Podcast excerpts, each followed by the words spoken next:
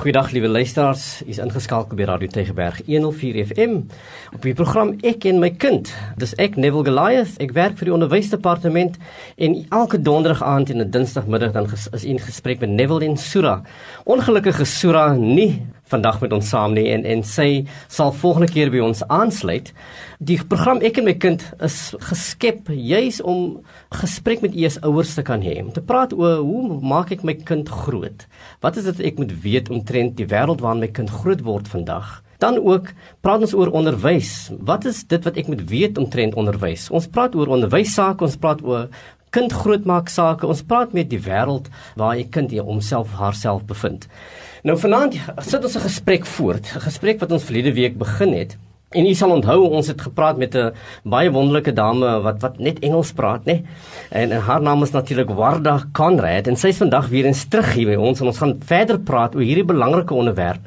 U sal onthou verlede week het ons gepraat oor transform to perform, transformeer om te presteer word in Afrikaans genoem.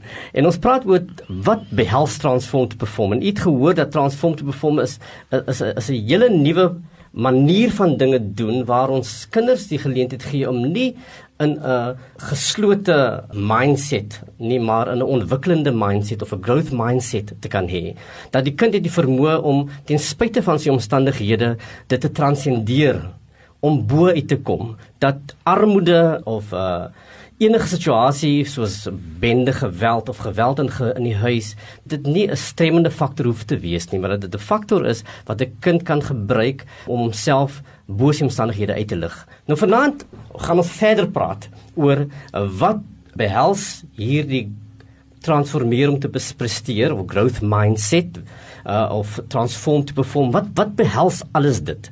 Maar ons gaan praat spesifiek oor die volgende.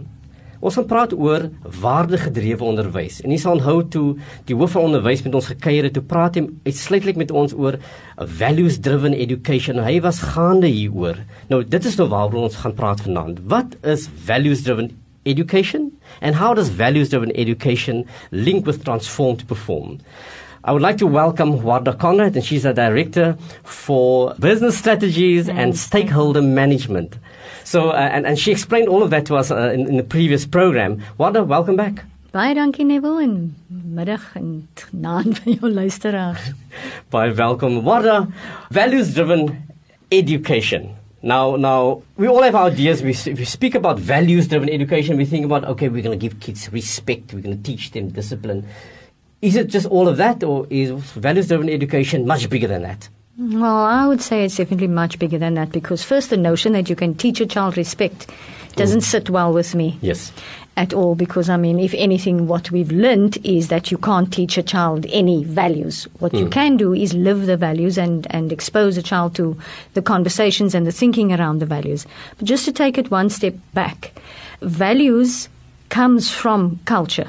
Mm when you look at what's going on in the WCD in our schools and what our children are exposed to in terms of the, the kinds of behaviors that they're seeing and that they then emulate, it's hardly conducive to the kind of environment and mm. ecosystem that they need to flourish. So, what we've recognized, and it came really from the Barrett survey in the organization. Yes and refocusing the entire organization to a particular target. And it was based on the results of this Barrett survey that the, that the executive of the department said, well, we've had a look, we've seen what's going on, we now need to refocus all of our energies on our objective. And the objective being the vision of the department. And if we can get everything facing in the same direction, then we have the best chance of success.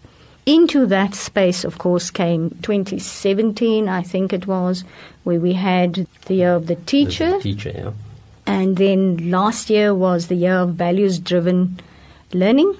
Mm-hmm. We were a values driven organization, and what we did was we highlighted the six values of the WCED. And we invited schools then to have conversations around it just for interest's sake, you'd be interested, your listeners may be interested to know that we've actually developed workbooks that mm. we've rolled out to schools as well. and we are in the process of rolling out to schools that the teachers can use. It gives you ideas of how to how to initiate the kinds of conversations you need to have, and some of the ideas that schools are coming up with. And then the critical things that we decided we need to do because, like anything else, you've got to package yourself in a particular way to attract the attention of your customer Mm-hmm. or your market. Who we're competing against, of course, is gangs, drug lords, and all the other Yes. social ills. Our packaging hasn't changed in years, and when I say our packaging, I mean packaging of Western Cape Department as well as education at large in this department and how we present it to the learner. And it was understanding this and understanding that when you're trying to overcome huge discrepancies in socio-economics of a child and therefore the exposure that the child has and the opportunity that the child has, you really have to harness the items of innovation that can leapfrog you hmm. over your binding constraints, which might be social, hmm. you know, all of the rest of it.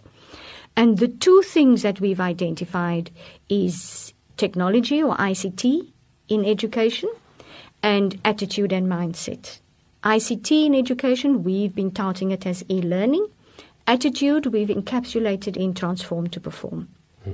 And that is where the values component of it sits. Now, these values that, that we are talking about, is, is it values that's familiar with, with our parents out there? Are there specific values that the education department is trying to promote that get kids where they need to be? What would those values be, Wada?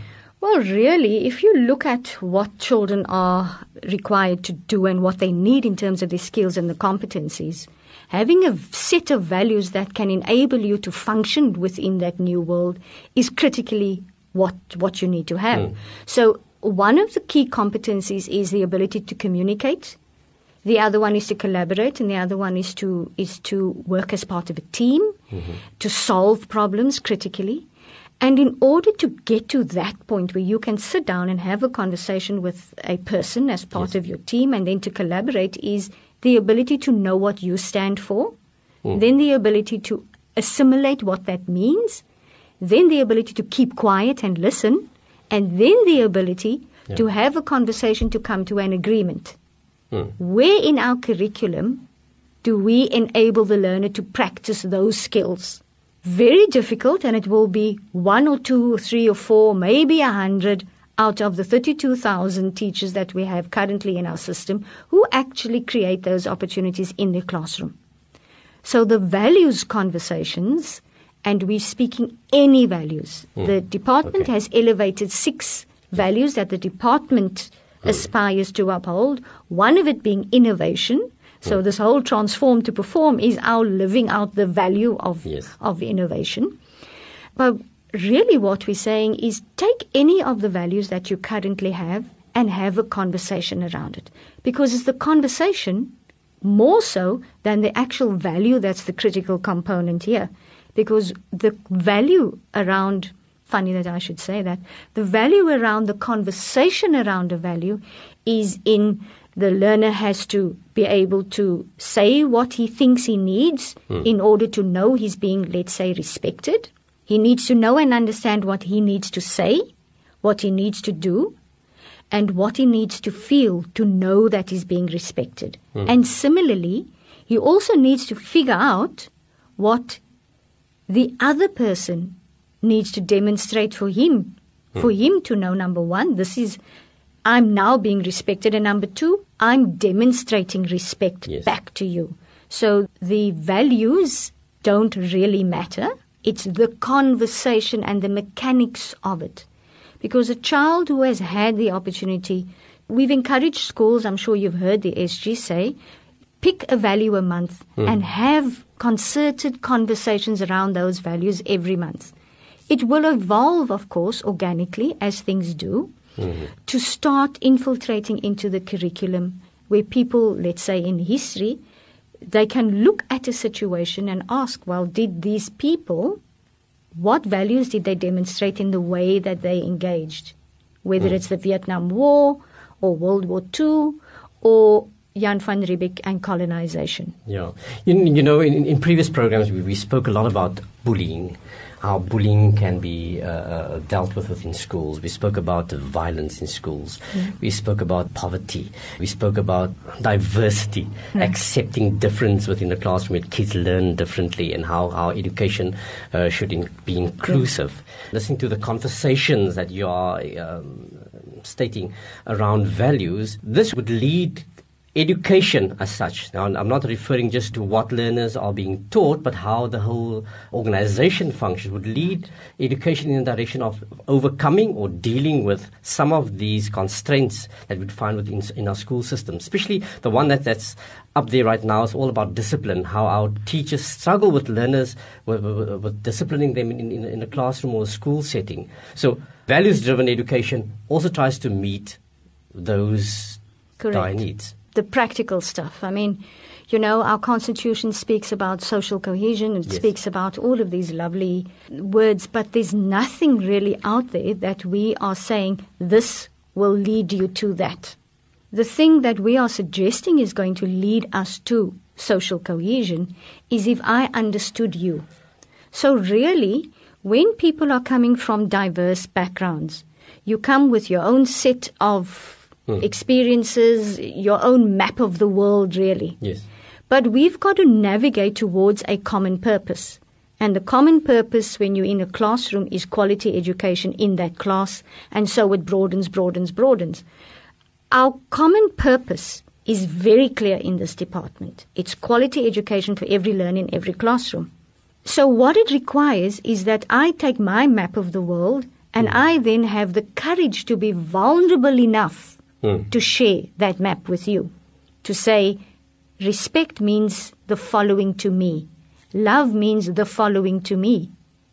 As opposed to what is currently happening, where a learner goes into a school and is told, These are our values, this is how we want to see it happening, you comply.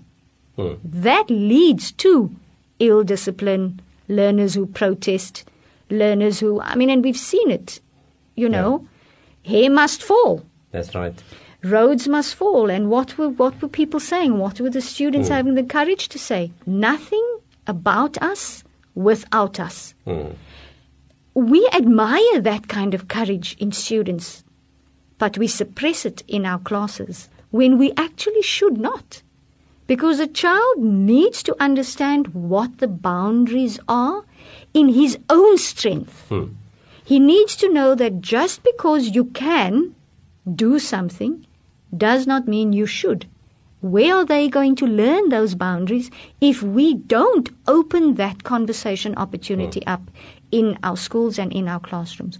What it's going to need is courageous vulnerability. Yep. Courageous vulnerability. Mm. Because to be courageous and to say, I actually need to hear you, mm. rather than I'm going to tell you and you hear me, it takes vulnerability. It takes courage to be that vulnerable. And then we also need the courage to not shut it down. And it is this distinction that because we're not having the conversation about what constitutes tidy or untidy hair, when we have diverse children in our classrooms, that leads to disgruntlement. And remember that children only need three things to thrive as all human beings do. Mm. And the three things are they need a sense of belonging. And a child who's not engaged and invited to say what they need in terms of what the values are will never feel that they belong. Mm. And because they're constantly feeling like an outsider, they won't involve themselves in school activities, they won't immerse themselves in the life of the school. And then when they exit the system, they're not going to come back and contribute back into that school community. Liewe luisters, hierdie wyse Engelse woorde kom van Wanda Conrad en sy is direkteur van Business Strategy Business Strategies and Stakeholder, and stakeholder management. management. En sy kuier vanaand uh, saam met ons by program Ek en my kind. Waar dan die opvoeder is die mees belangrikste bate van die onderwysdepartement. Ja, dit dit word oor en oor gesê op verskillende mm. platforms. Nou hoe gaan bemagtiging van opvoeders geskied om hierdie grootse taak te doen? Well, what we're doing is every single school across the entire province this year will be exposed to the values conversation. Hmm. So we've identified transform to perform champions in every district. They've already received master training, as I told you the last time. We've developed booklets. We've sent out posters to all of the schools as well. So all of the teachers will be exposed through their six champions that they've identified, driven by their change champions within their own schools, they will be exposed to the whole notion of values conversations. What it requires is that the principals drive values conversations every single day hmm. in their meetings.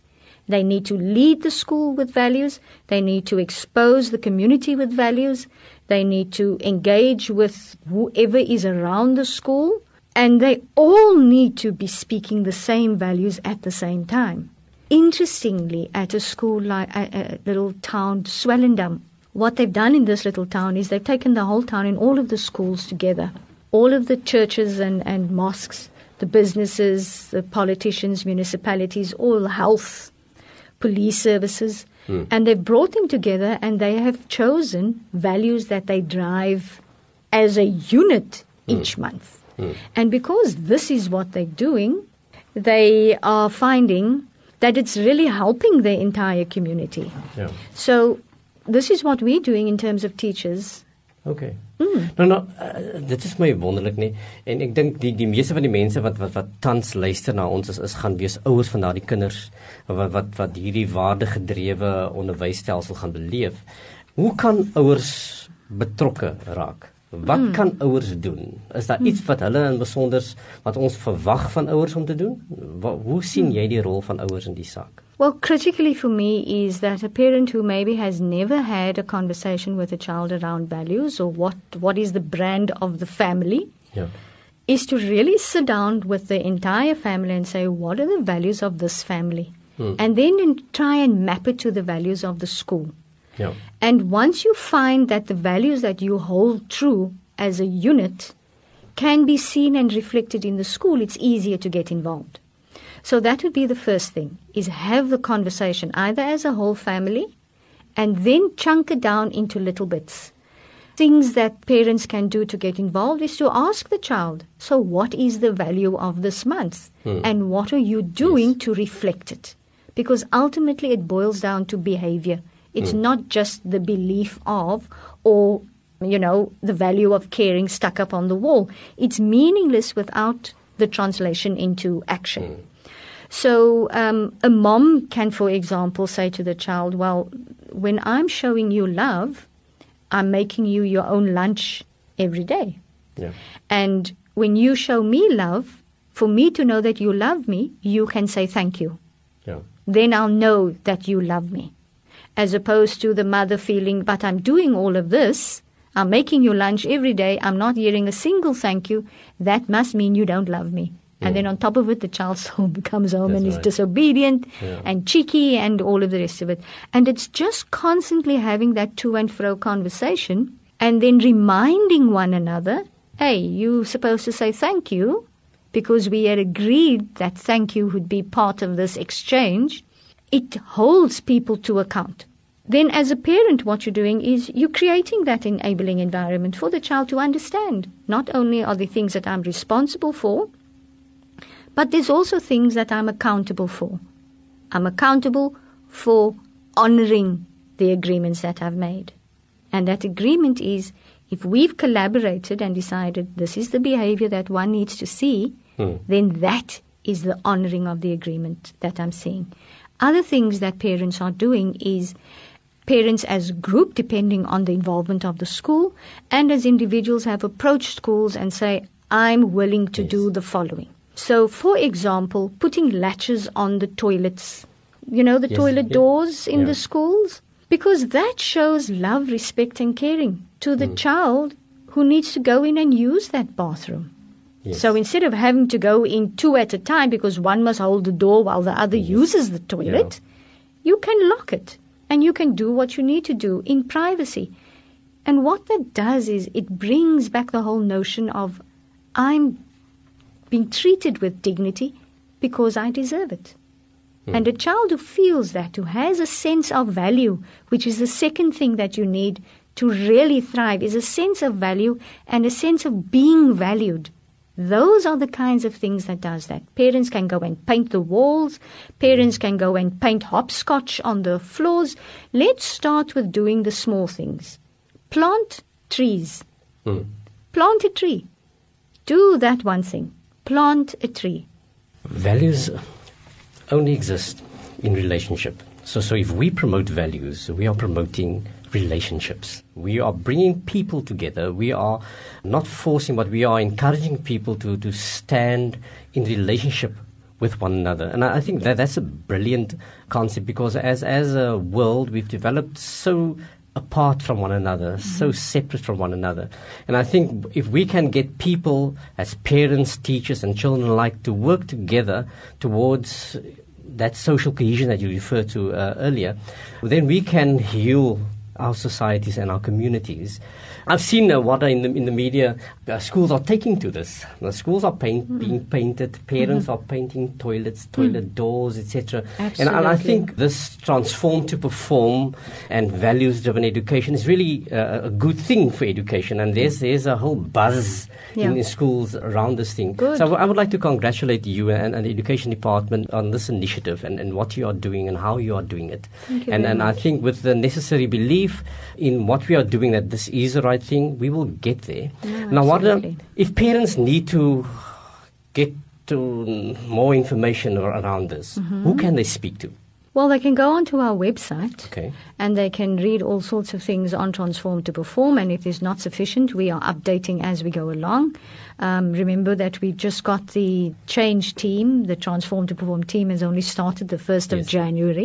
January. So there's lots of things that's being developed as we speak. But they can go to the uh, Transform to Perform champions in the district. They can also contact head office. They can contact myself. They can contact Enver Sherry. They can contact Joyce West.